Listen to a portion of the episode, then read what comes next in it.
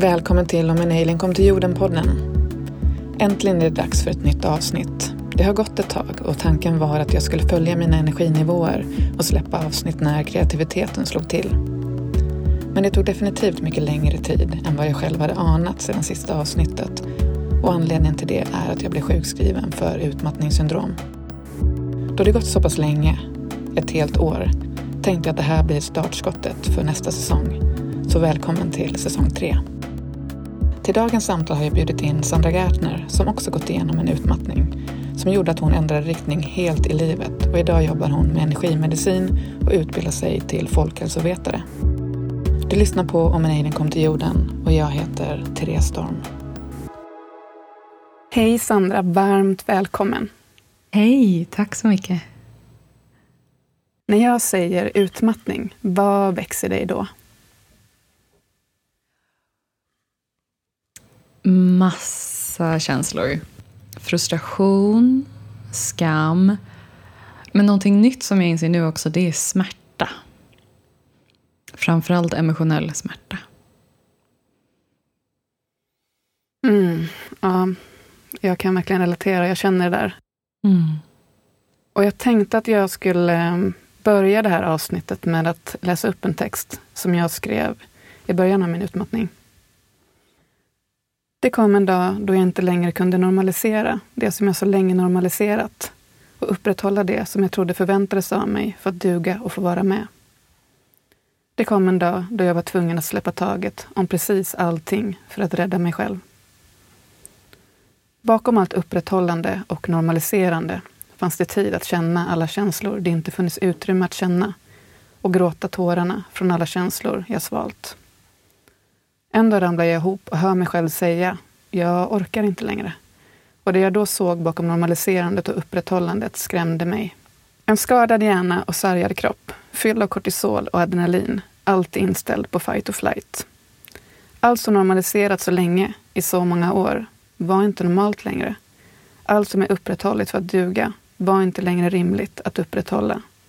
Jag såg att hur lätt jag sa ja och hur enkelt jag svalde mina nej till slut gjort mig sjuk. Den berömda väggen, utmattningssyndrom.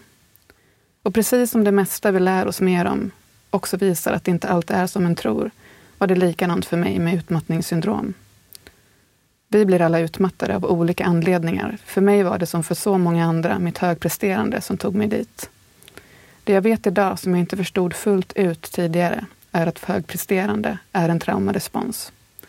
För mig handlar det i grund och botten, bakom alla känslor av värdelöshet och tankar om att inte duga, om rädslan att bli övergiven.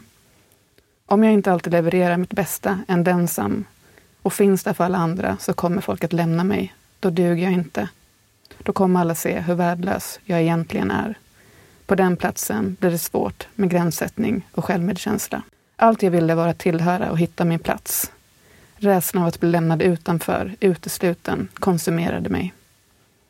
Jag hade en bild av att jag tittat på min perfektionism och presterande i all terapi och utbildningar. Men bakom allt normaliserande och upprätthållande stirrade högpresterandet tillbaks på mig som en massiv blindspot. Och där fanns en utandning. Det var omtumlande samtidigt som allt helt plötsligt made perfectly sense. Alla symptom som tryckts undan och ryckts på axlarna över togs plötsligt på allvar. Ohållbara situationer som pressats till bristningsgränsen var inte längre bara mitt ansvar.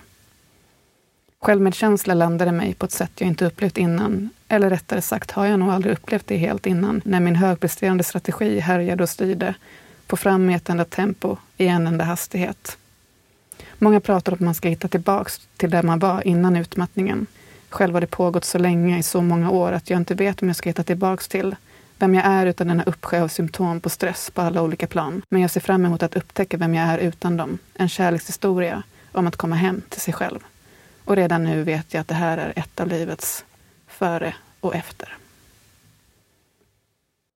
Tack för att du delar din, eh, dina känslor kring din utmattning. Tack för att du lyssnar. Mm. Mm.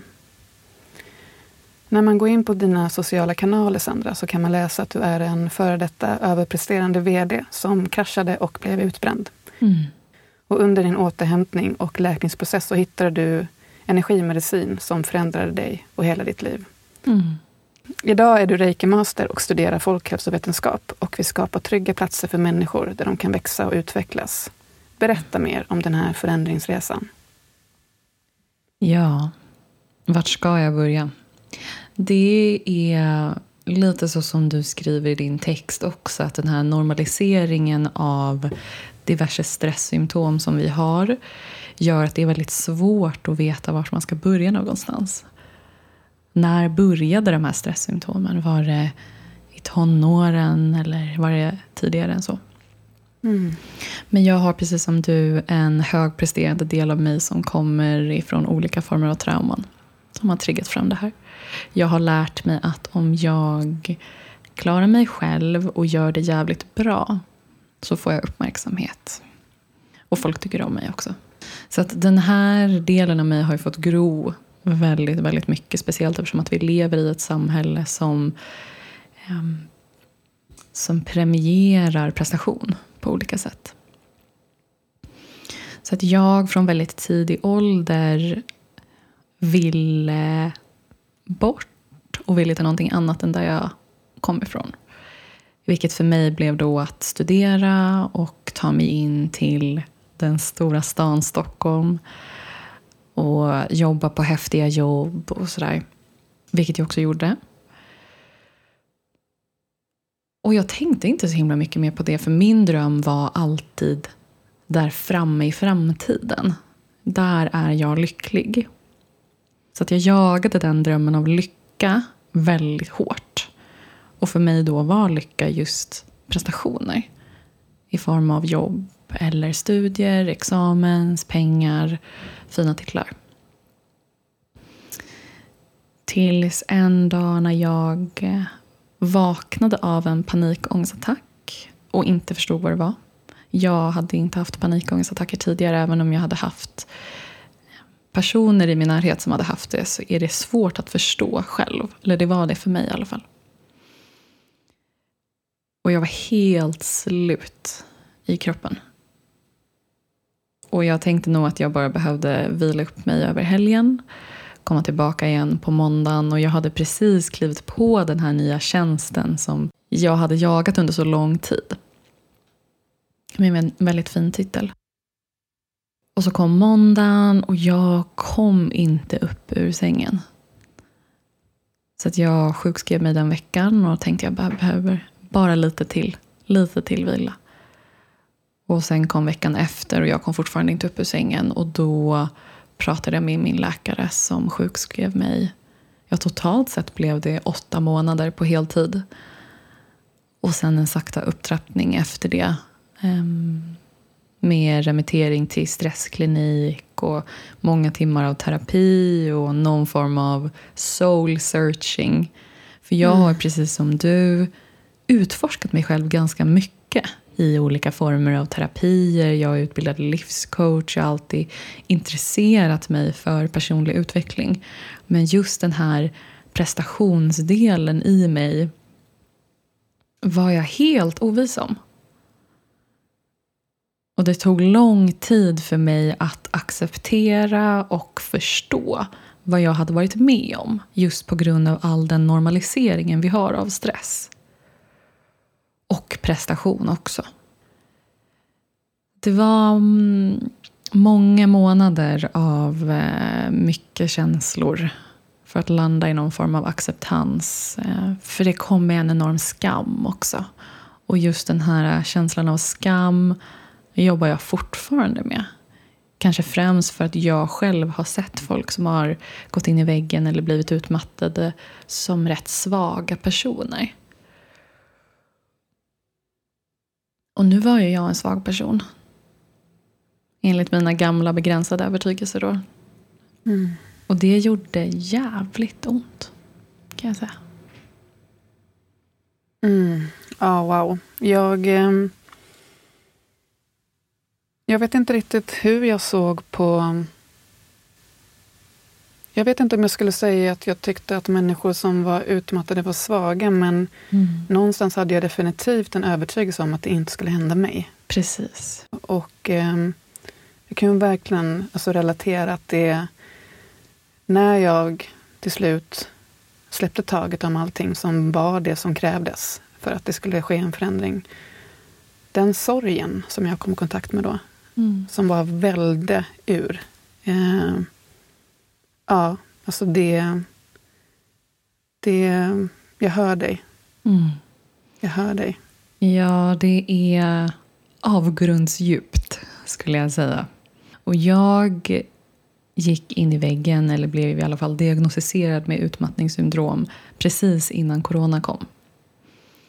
Så för mig blev det en livsomställning dels i att vara sjukskriven och också inte göra någonting. Jag minns att när jag gick till min stressklinik första gången och de sa Sandra du ska vara här några timmar i veckan. Och jag bara, men vad gör jag med resten av min tid? Ska jag jobba då?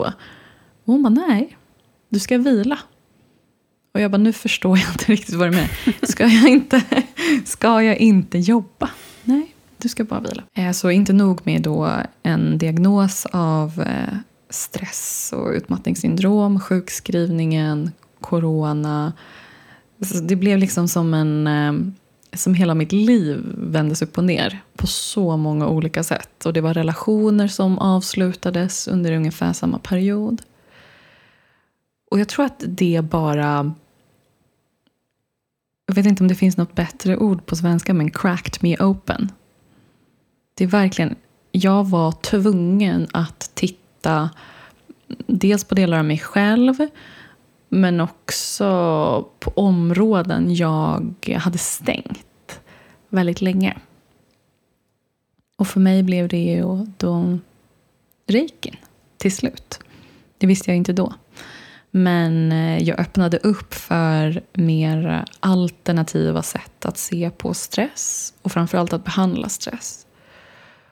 Och jag har mediterat under väldigt, väldigt många år men jag kom in på olika typer av meditationer igen vilket jag hade pausat just för att jag ansåg att jag inte riktigt hade tiden till att göra det. Så jag återupptog det, jag la om min kost och jag testade massa olika behandlingar. Sånt som jag har sett som ganska flummigt. Bland annat reiki då.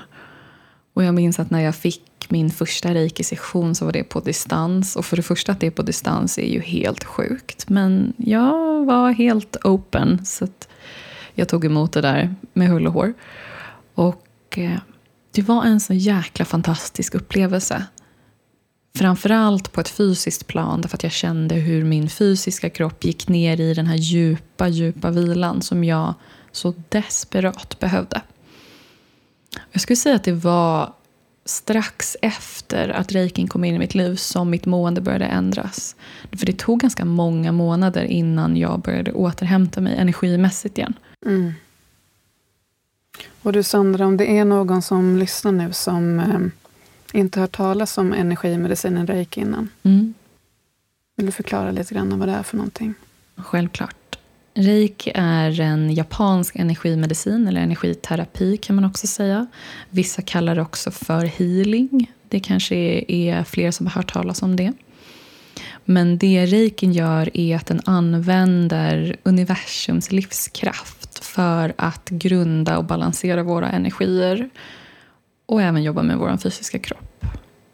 Så reiki är egentligen en kombination av två ord, rei och ki vilket just står för universum och livskraft. Och reiki använder sig dels av handpåläggningar för att stimulera klientens nervsystem till att komma ner i djupvila. Påminner ganska mycket om taktil massage som vi använder i vår svenska sjukvård. Men sen så har den också ett element av just energi där vi överför den här livskraften mellan utövare och klient.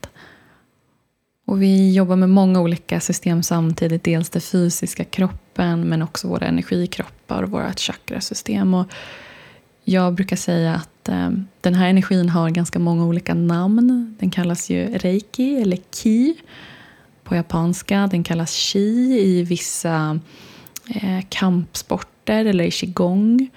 I yogans värld kallas det också prana. I många religioner så kallas det Gud, men det är någon form av kraft som vi än så länge med västerländska vetenskapliga metoder inte har kunnat förklara, men som vi i många tusen år har använt oss av. Mm. Jag vet ju också att du precis som mig liksom står med ett ben i den holistiska spirituella världen Mm. och en liksom, liten del som ja, men går igång mycket på, på att liksom förklara saker vetenskapligt. Och jag vet att du har Mm. tittat lite grann på det här, hur man kan förklara energi, den här energimedicinen vetenskapligt. Och vad, vad är det du har sett och vad har du kommit fram till? Ja, alltså det är väldigt, väldigt mycket som är oklart fortfarande när det kommer till energimedicin om vi kollar ur ett forskningsperspektiv. Men det finns ett eh, universitet som jag, om jag minns rätt, heter Bengtsington eh, University or Institute som just kollar på energimedicin. För det finns ju olika former av energimediciner. Just reiki är ju en, men det finns andra traditioner som använder liknande metoder. Och det de kan se är faktiskt då att vi med hjälp av tankens kraft, alltså intention, kan flytta energier, alltså olika densitet av energier mellan platser och personer.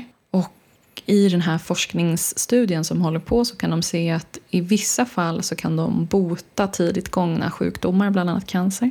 Men framförallt så kan de pausa eh, sjukdomstillståndet så att det inte blir värre. Så det finns spännande saker som sker men det ska jag vara väldigt öppen med att det har varit en jättestor del av min resa att försöka acceptera att jag jobbar med någonting som inte går att förklaras.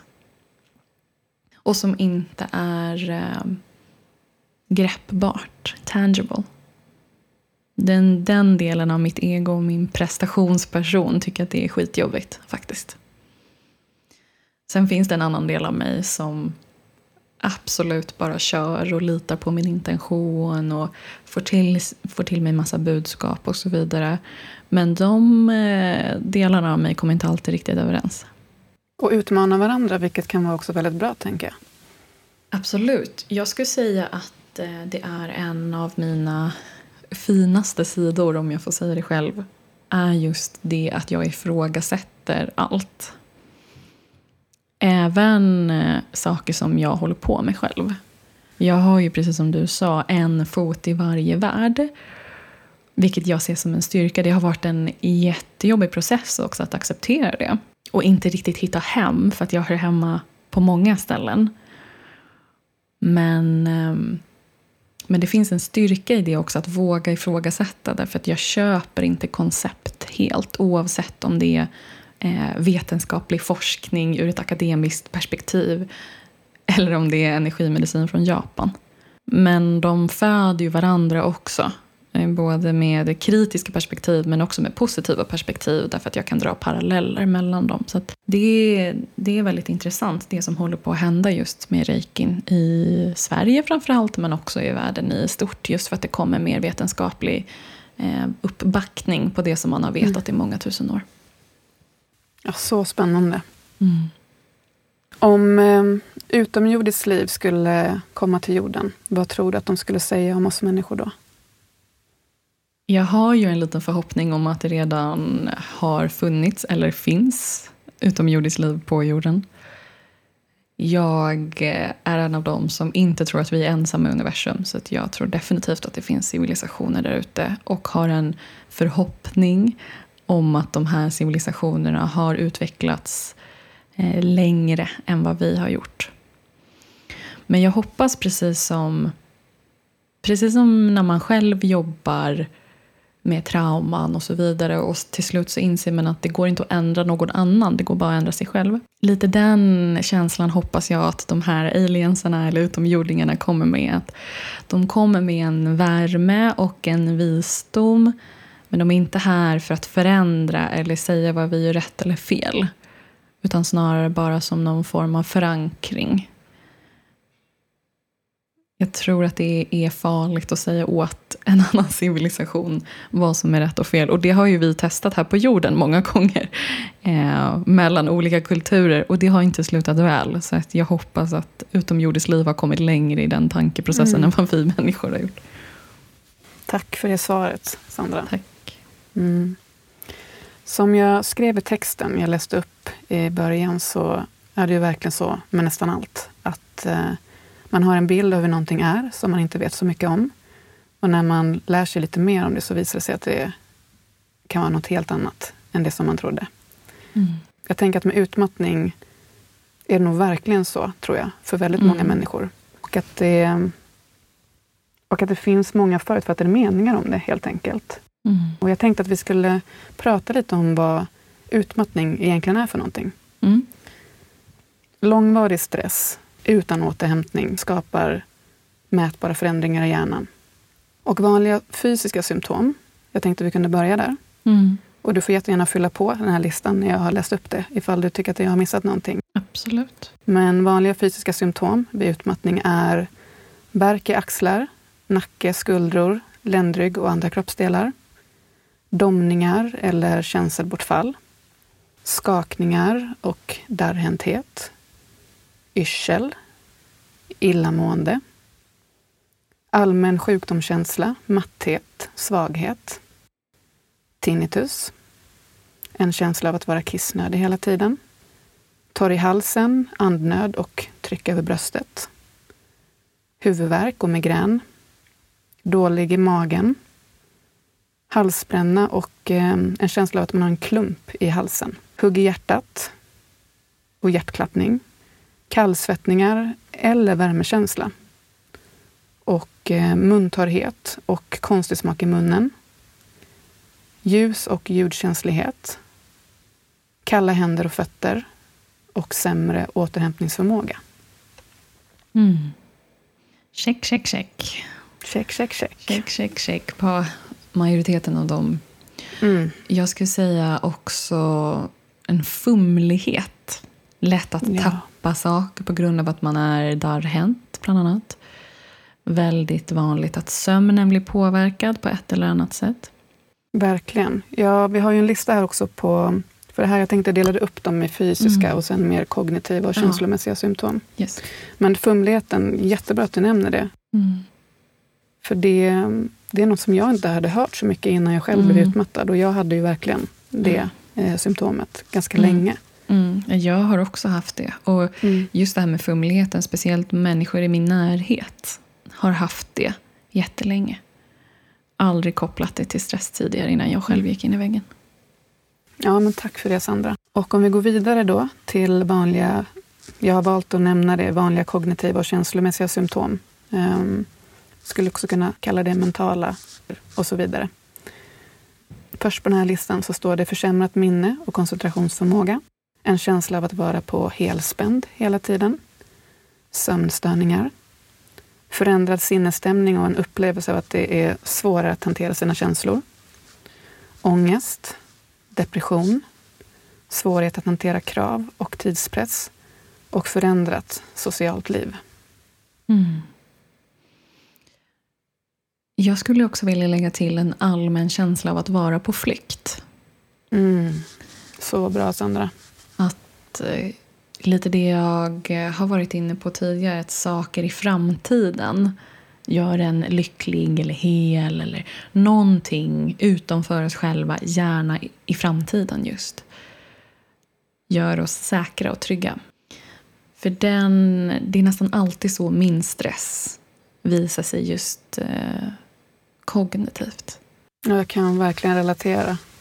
Att jag tror att jag ska framåt. Att jag måste liksom framåt med hela min fysiska kropp. Och det finns ju mycket intressanta kopplingar till varför man känner så som vi säkert kommer gå in på senare. Jättebra. Tack att du eh, lyfter lyfte det också, Sandra. Forskare har ju sett att eh, hjärnbarken förtunnas i en särskild del av pannloben vid utmattning. Och eh, pannloben är just viktig vid vår koncentrationsförmåga, att förmåga att planera och organisera. Och information kan lagras i pannloben under kortare tid. Och därför så ser vi ju symptom då som till exempel försämrat minne, korttidsminne vid utmattning. Man ser också att amygdalan är förstorat hos den med utmattningssyndrom. När amygdalan upptäcker något som den tolkar som en fara, vare sig den är verklig eller inbillad, så sätts hjärnans larmsystem igång. Och sympatiska nervsystemet sätts igång när kroppen behöver mer kraft. Och olika stresshormoner som kortisol, noradrenalin, adrenalin utsöndras från binjuren och skickas ut i blodet och har till uppgift att se till att andning, puls och blodtryck höjs och att det finns tillräckligt med socker och energi till musklerna och hjärnan för kamp och flyktreaktionen. Och därför så ser vi då alla de här fysiska symptomen som till exempel hjärtklappning och så Mm. vidare vid utmattning. Mm. En annan stressreaktion är ju frys, eller som många kallar det, att spela död. Mm. Och eh, det programmet sätts igång när hjärnan bedömer att faran är så stor att man varken kan använda flykt eller kamp. Och då är det det parasympatiska nervsystemet som aktiveras och den här gången är hela syftet att dra ner på energin. Och det leder till trötthet, yrsel, muskelsvaghet, låg puls, svimningskänslor, symptom från magen, att man vill dra sig tillbaka, isolera sig och att man känner den här enorma tröttheten och handlingsförlamningen och också nedstämdhet. Så där, därifrån kommer ju också de här, alla de här symptomen som Mm. vi har räknats upp. Ja, men kort och gott kan man ju säga att vid utmattning så försätts kroppen och hjärnan i ett slags konstant alarmtillstånd eh, där kroppen söker efter faror. Såklart och gör att ångest är vanligt förekommande. Och de här förändringarna då som uppstår i hjärnans struktur vid långvarig stress är varför det tar så lång tid att återhämta sig. För att de här förbindelserna mellan nervcellerna måste ju skapas igen och eh, det tar tid. Det finns goda prognoser att tillfriskna från utmattning eh, vid rätt förutsättningar. Olika studier visar att efter mer än sju år så har 90 procent kvar ett eller fler symptom. 80 procent var inte sjukskrivna alls längre och 16 procent ansåg sig vara helt återställda. Utöver det som kan uppfattas som negativa följder så visar en studie att de som intervjuas också redogjorde för en positiv förändring. Som att leva mer i enlighet med sitt sanna jag och ständigt utvecklingsprocess av egna tankar och beteendemönster. Vilket är väldigt intressant och väldigt fint att lyfta också tycker jag. Mm. Och det finns ett jättefint Instagramkonto som heter Vägra väggen. Eh, har du sett det? Mm. Det har jag. Och de postade ju för några dagar sedan en post om stressens tre faser som jag tyckte var väldigt intressant. Den första fasen då, eh, som hon kallade alarmfasen, eller som hen kallade alarmfasen, det är då helt enkelt den fasen där kroppen fortfarande är anpassad för att kunna hantera stress. Det är kortvariga stressreaktioner på situationer som upplevs utmanande, påfrestande och hotfulla. Och genom att lära känna sina egna stresssignaler så kan man redan i alarmfasen lära sig att sätta foten på bromsen och säkerställa att, att det här blir kortvarig stress och inte fortsätter att bli farlig. Och andra fasen kallas här för motståndsfasen. Och det är den fas man hamnar i när den kortvariga stressen pågått under lång tid utan möjlighet för återhämtning. Och här kan ju då stressen bli farlig. Och det som jag fastnade för här är att i den här fasen så utvecklar många ett nästan övermänskligt beteende för att kunna prestera mer, för att undanröja det man upplever stressar. Och antingen lyckas man och kan återgå till det normala eller så fortsätter de här stresspåfrestningarna och vårt, eh, våra interna mänskliga resurser börjar ju successivt att, att ta slut. Och eh, sen då den sista fasen, tre, den kritiska fasen. Då har det ju gått så långt att det, att det är farligt. Och energin är helt uttömd och den fysiologiska och psykologiska motståndskraften mot stress finns inte längre. Och här är det då som vi i folkmun blir utbränd. Mm. Jag tror jag tror att väldigt många känner igen sig i en och kanske till och med tyvärr fler faser än det här. För en av de största blindspotsen jag hade innan jag gick in i väggen var att de allra flesta i min närhet har gått igenom eller går igenom de här faserna och alla de här symptomen som vi har pratat om. De flesta lider av sömnsvårigheter, hjärtklappningar, just den här känslan av att man har så himla mycket att göra, att, att göra-listan är mils lång, fumligheten, darrningarna, yrsel. Jag vet till exempel att dels på mitt jobb men också i min vänskapskrets så florerade det också olika former av, inte alltid bra preparat för att hantera de här symptomen. Det var allergitabletter som gjorde att man blev väldigt trött, så man kunde somna. Betablockerare också bland annat för att inte hjärtats... Jag vet inte exakt vad betablockerare just gör men Hjärtklappningen. Ja, precis. Exakt. För att man inte ska få så hög puls helt enkelt. Och det är ju otroligt sorgligt att vi har normaliserat att gå runt med sådana här symptom hela tiden. Och ett symptom som var väldigt starkt för mig, som vi faktiskt inte har pratat om, det är också den här luddiga känslan i huvudet. Eh, Mm. Att man inte riktigt är närvarande. Det är som att man har en film nästan, plastfilm framför ögonen. Och tänk vilka märkliga beslut vi tar när vi inte är helt närvarande. När vi hela tiden tror att vi bör vara någon annanstans för att göra oss lyckliga eller trygga då till exempel. Eller om vi går på betablockerare eller allergimediciner eller kanske till och med andra saker. För att bara få komma ner i varv. Mm. Ja, och mm. tänk vilka, alltså med tanke på att Alltså när vi är i fight and flight så har vi faktiskt inte tillgång till de delarna i hjärnan som kan Exakt. göra liksom rationella, grundade beslut. Så ur den, den aspekten också. Ja, verkligen. Vi blir ju... Och det, här, det finns ju en tydlig funktion med att vi inte ska kunna ta långsiktiga beslut utan vi ska vara väldigt kortsiktiga, väldigt egoistiska egentligen. Just för att vi ska överleva.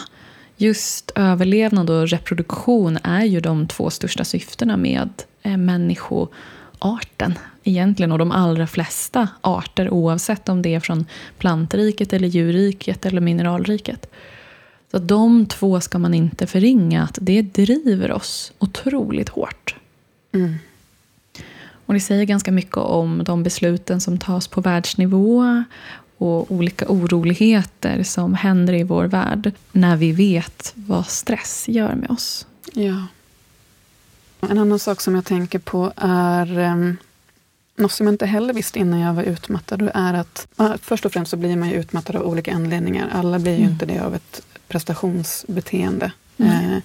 Det kan ju vara så att du vårdar någon sjuk familjemedlem uh, och där inte får, ett, uh, får ditt behov av återhämtning tillgodosett. Men om vi pratar om prestationsbaserad stress så är det jättevanligt att eh, om vi har en strategi av prestation för att känna ett värde och känna att vi får vara med och att överhuvudtaget ha ett värde som människa. Då är man ju van att konstant liksom... För det som händer vid prestation är ju att, vi, att dopamin utsöndras. Så vi går och pundar på dopamin. Och helt mm. plötsligt när vi liksom går i de här olika faserna och stresssystemet börjar eh, gå sönder, alltså inte mm. fungera som det ska. Den första instinkten oftast då är ju inte att stanna upp och fråga sig själv, vad händer? Mm. Utan det är ju att använda samma strategi som man alltid använt och det är ju prestation. Ja. Så att okej, okay, vad behöver jag göra nu? Jag måste alltså göra mer. Så mm. de flesta som blir utmattade har ju liksom några år där de bara liksom fyllt på med mera mm. uppdrag, mera åtaganden, mm. mera, mera, mera. Och det går ju också att likna jättemycket med vilket beroende som helst. Absolut. Det spelar ingen roll ifall det är shopping, eller alkohol, eller droger Nej. eller spelmissbruk. Det är ju jättevanligt beteende vid ett beroende att när man börjar bli tolerant så mm. ökar man. Man fyller ja. på mer.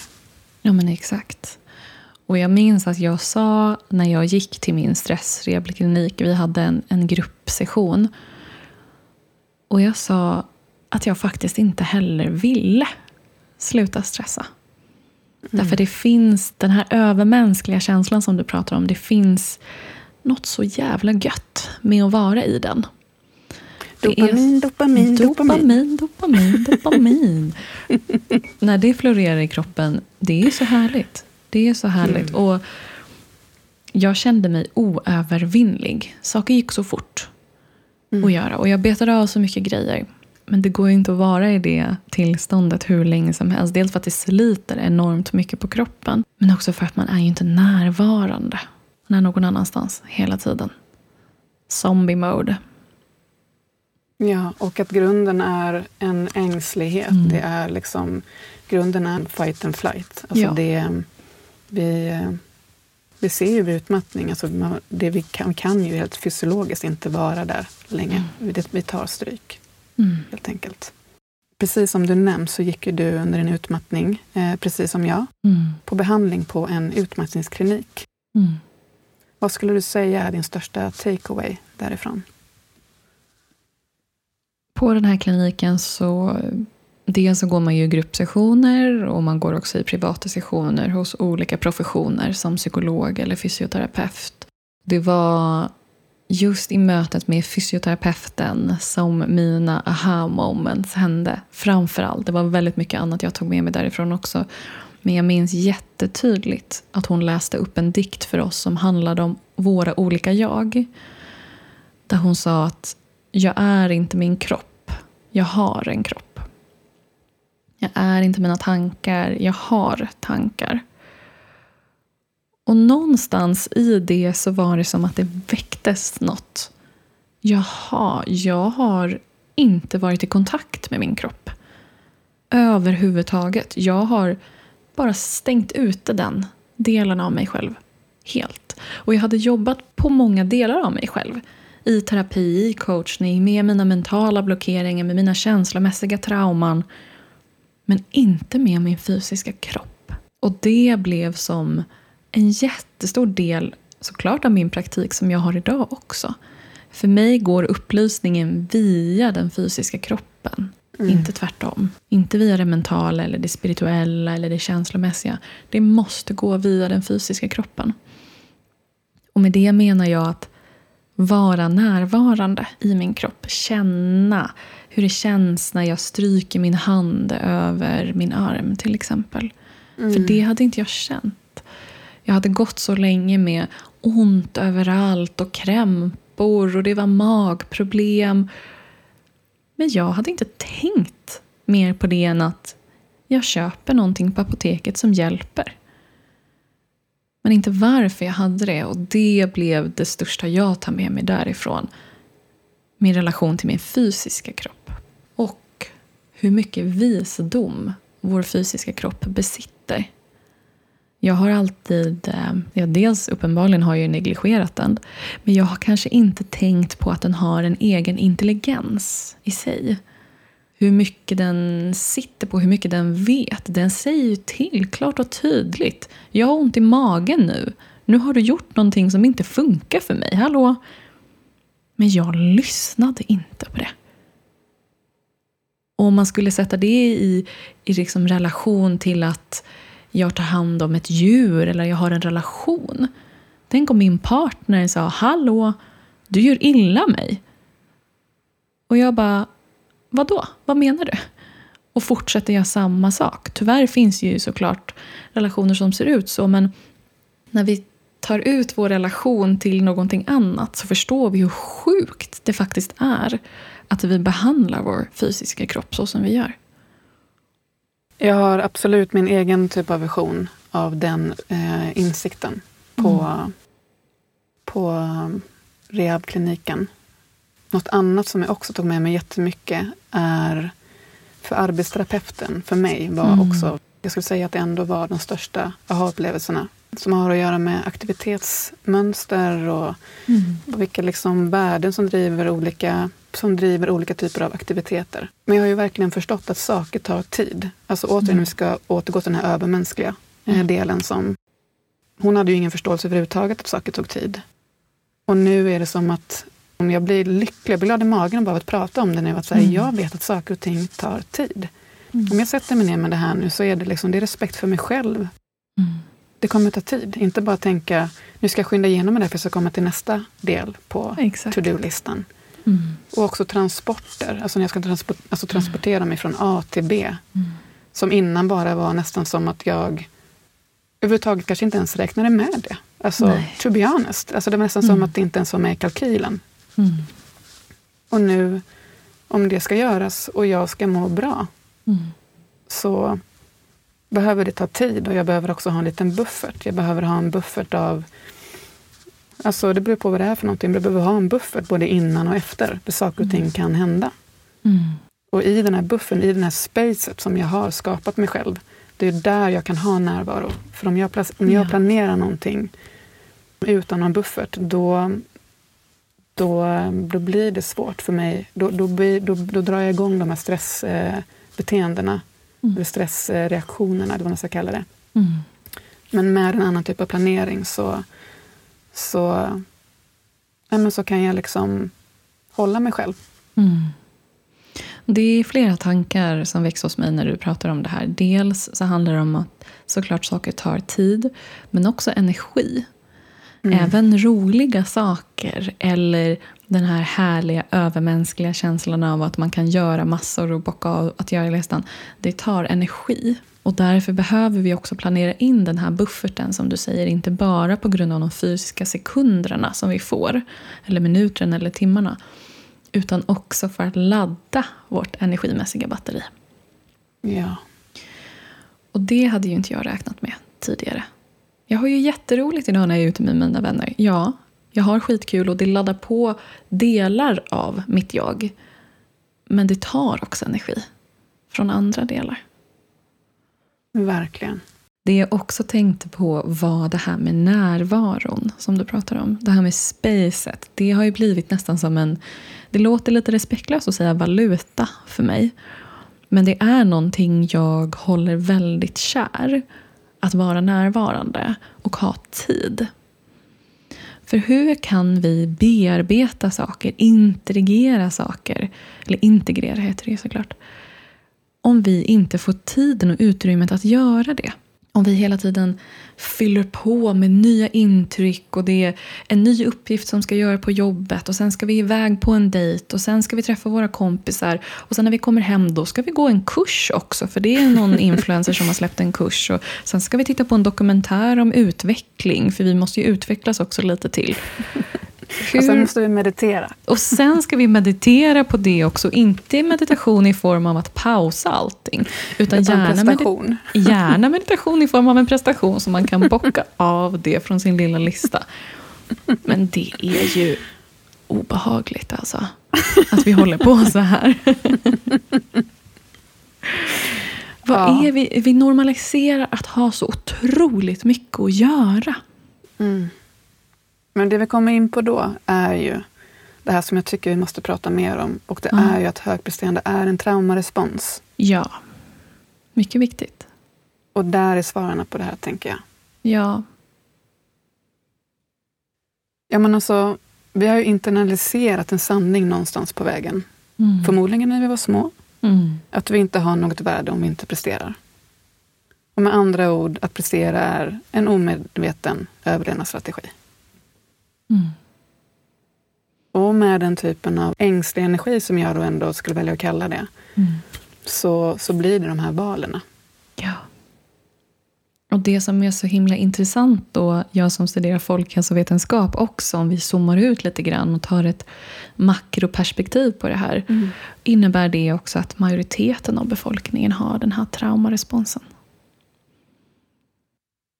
Och vissa skulle ju också störa sig på att vi ens kallar det här för traumarespons. Ja, säkert. Mm.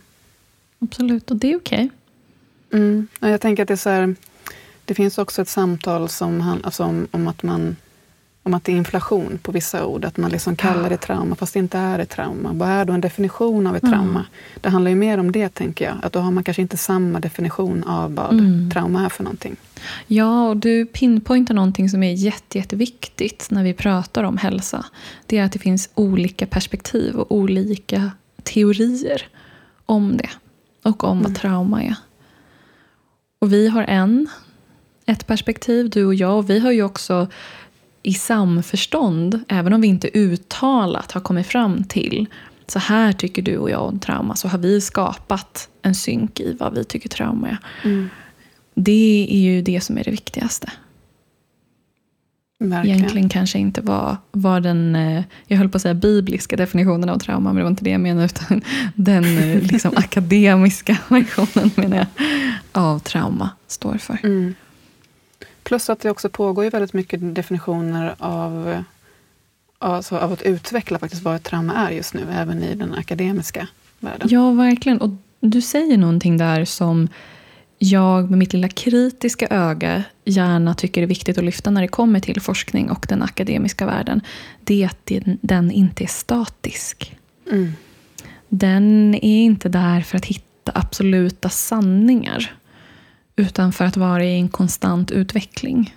Så bara för att vi säger att trauma är Y idag så kan trauma faktiskt vara rent akademiskt X imorgon.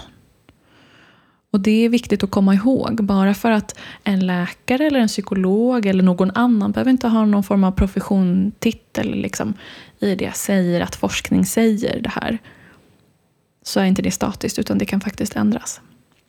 Och det krävs väldigt mycket. Det finns vissa olika eh, forskningsteorier som man med ganska stor säkerhet säger att det är så här.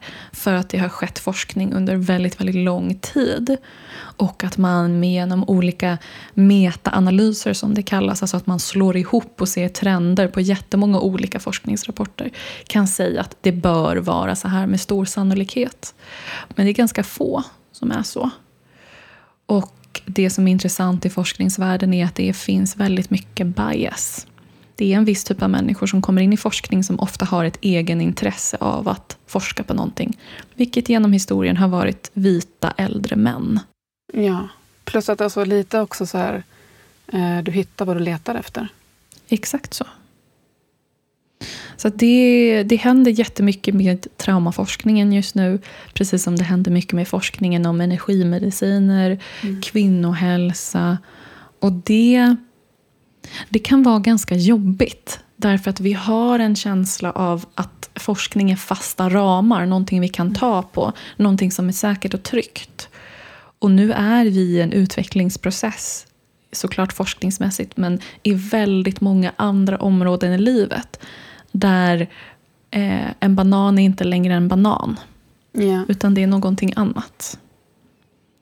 Och det är läskigt att förhålla sig till. Det är svårt att veta då vad som är rätt och vad som är fel. Och jag har under de här senaste åren just ifrågasatt det väldigt mycket och tyckte att det varit ganska jobbigt. Vad är rätt då? När alla mm. säger olika. Det finns en osäkerhet i det hos mig. Mm. Den, den hör jag, den kan jag förstå. Jag delar den också. Eh, mm. Samtidigt som det öppnar ju också upp en möjlighet för oss allihopa att göra en egen utforskning med vår egen kropp, med vårt eget psyke. Ja. Eh, och eh, det som är värt att nämna också tycker jag kring trauma är ju att trauma är ju inte vad som har hänt än. Trauma är ju hur vi reagerar på det som ja. har hänt oss. Exakt. Alltså hur det, vi reagerar på det, ja, men hur vi reagerar på det och hur det sätter sig i vår kropp obearbetat. Mm. Därför kan ju alltså samma händelse för en person vara ett trauma och för Exakt. en annan inte. För den ena hade resurser att hantera det. Ja. ja, precis. Och då är vi inne på det här med subjektivitet som är så otroligt intressant. Vi har ju historiskt sett gärna velat vara objektiva i väldigt många hälsoaspekter. Alltså att man inte värderar den eh, individualistiska upplevelsen av någonting. Utan vi vill vara subjektiva därför att då kan vi också mäta saker över tid. Det finns en enorm styrka i att vara objektiv i sina uttalanden eller sina teorier just för att man kan mäta dem i, mellan individer och grupper och befolkningsmässigt. Men vi glömmer ju då att vi inte är Eh, endimensionella varelser utan vi har väldigt många aspekter inom oss som är väldigt komplexa. Och att egentligen att vi alla bär på små miniuniversum eller miniliv. Eller inte miniliv, det låter jättekonstigt. Men mini, vad är det för någonting Sandra? Ja, Berätta, jag vill veta vad miniliv är. Jag vill ha ett. det lät så jäkla gulligt. I want one, I want one. Ja, men, men, har du sett Man in Black? För där, där är det som att så här, i en liten sån spelkula finns ett litet universum. Ja. Och så är det ju egentligen inom oss. Det pågår ett miniliv, ett mini-universum. Där vi har egentligen våra egna regler och förhållningssätt till vår yttre värld. Bara det att vi väljer ju inte alltid att se det så. Eftersom att vi har den här objektiva, ganska eh, boxiga känslan av vad hälsa eller andra saker är för någonting. Sen du började plugga folkhälsovetenskap nu, Sandra, vad, eh, vad har varit det mest spännande att ta del av hittills? Ja, hittills är det framför allt det här vi, det vi är inne på just nu. Att det finns olika sätt att se på hälsa. Och Det finns olika teorier. Det finns två ganska starka teorier om vad hälsa är för någonting. En teori är mer vetenskaplig som bygger på just naturvetenskapen, kommer från industrialismen där vi ser kroppen som en maskin där man enkelt kan byta ut en kugge och sätta i en ny eller bara laga den lite grann. Att den är väldigt lokal, den här kuggen. Det är en teori. Kallas för patogenes. Sen så finns det också en annan teori som är mer holistisk. Och den växer sig allt starkare just därför att vi inser att människan är inte endimensionell och vi är inte heller en maskin. Utan vi är ett helt system, någon form av kretslopp, ett miniliv eller miniuniversum om man så vill. Mm. där det är många saker som påverkar och framförallt att det är subjektivt. Och den teorin heter salutogenes perspektiv. Som just menar på att det finns flera saker som är hälsa. Hälsa är inte bara avsaknad av sjukdom utan välbefinnande och glädje är med där. Och då olika delar som den fysiska delen, emotionella och mentala delen men också den andliga delen. Och jag minns att jag, jag smsade dig och sa titta vad som finns här i min forskningsrapport som jag läser. Där de sa just det här. Hälsa är mer än bara det fysiska. Det är även andlighet och magi. Då mm. kände jag att om det är en forskningsrapport här som säger det här från ett universitet i Tyskland som är väldigt välrenommerat. Då finns det fan någonting i det här med magi och andlighet och energier. Och i och med det så har jag också vågat acceptera min eh, interna reiki master. Som också jag har fått jobba väldigt mycket med. Mm. Så det är väldigt intressant att studera faktiskt. Vet du vad jag känner nu när jag liksom bara känner sån djup tacksamhet för vår vänskap? Vi måste göra en liten shout-out till eh, Nathalie som tussade ihop oss. Ja, mm. det måste vi verkligen. Nathalie Johanan från Healthfulness-podden. Tack. Tack. Mm. Vi älskar dig. Mm. Men från det ena till det andra, Sandra. Mm. När var sista gången du gjorde någonting för första gången? Oj. Vad spännande. När var senast jag gjorde någonting för första gången?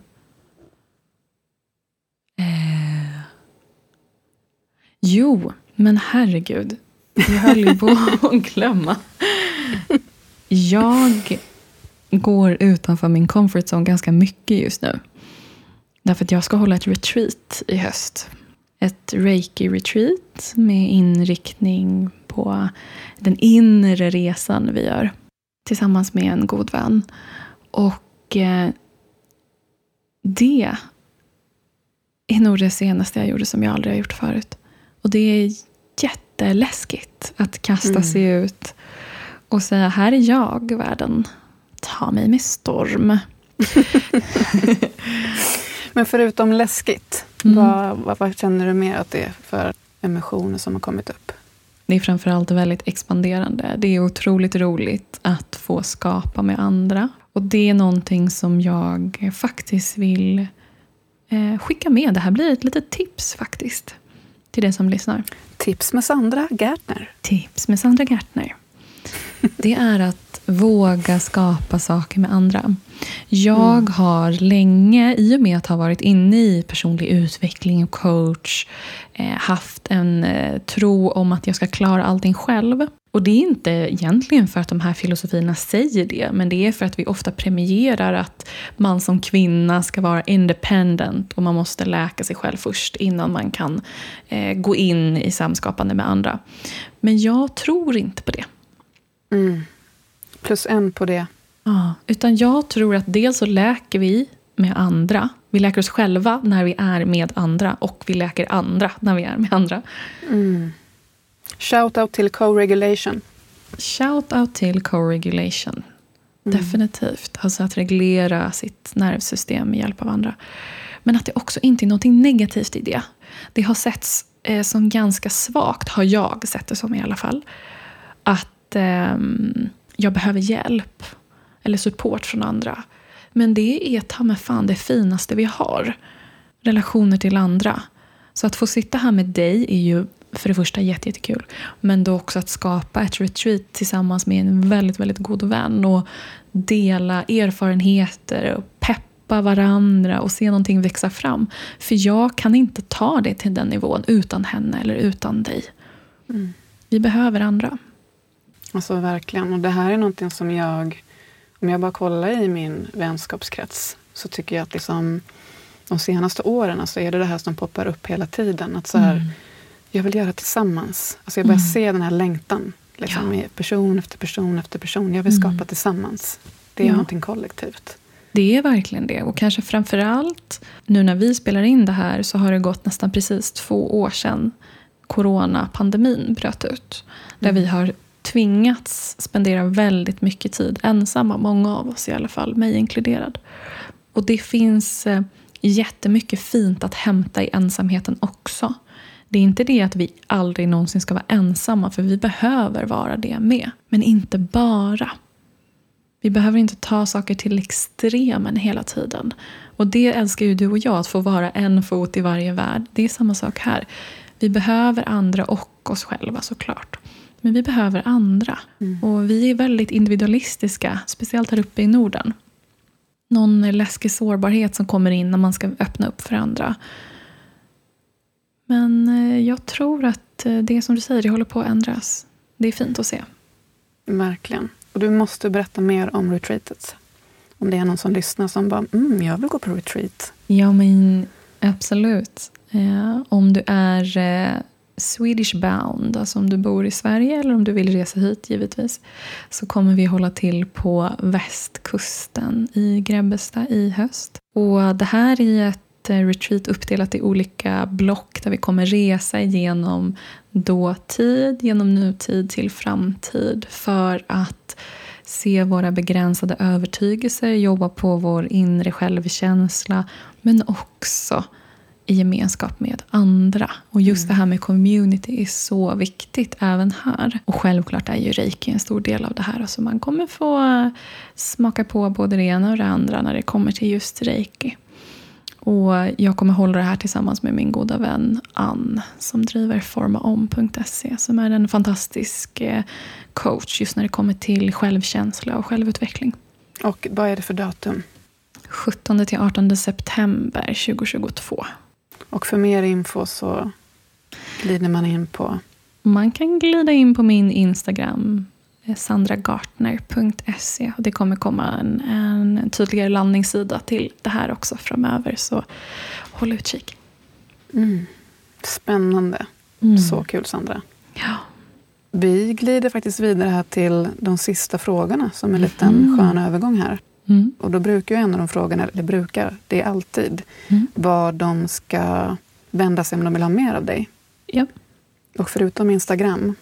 Jag håller fast vid Instagram. Det är mitt, min main hub just nu.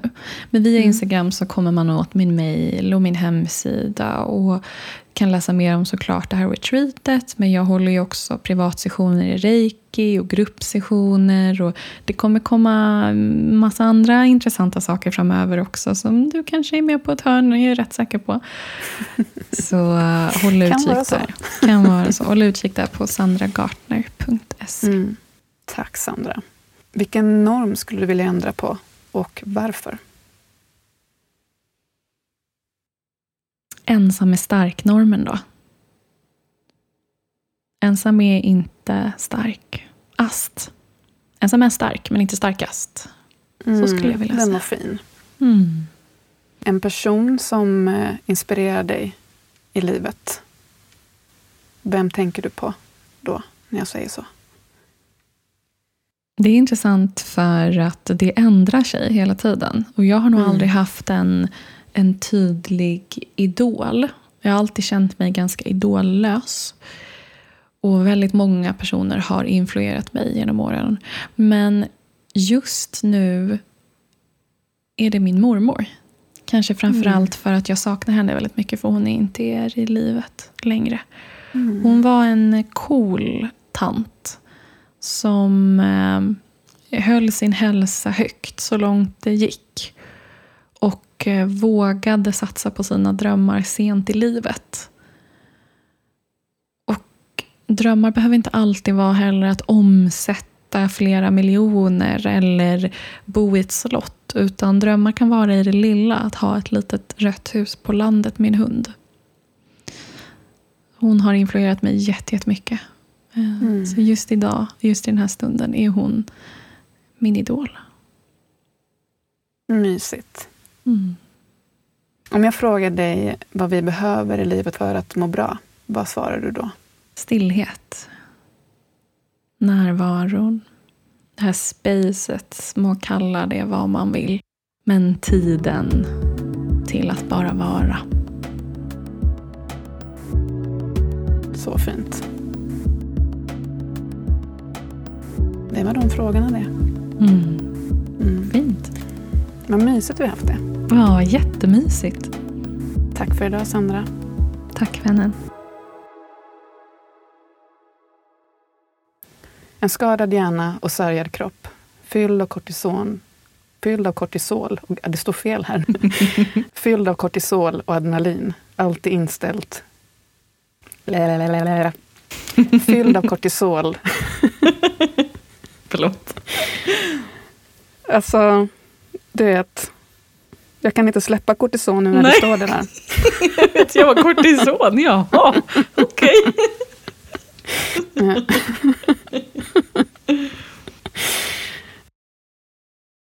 Och ehm, om jag frågar dig eh, vad vi behöver, eller...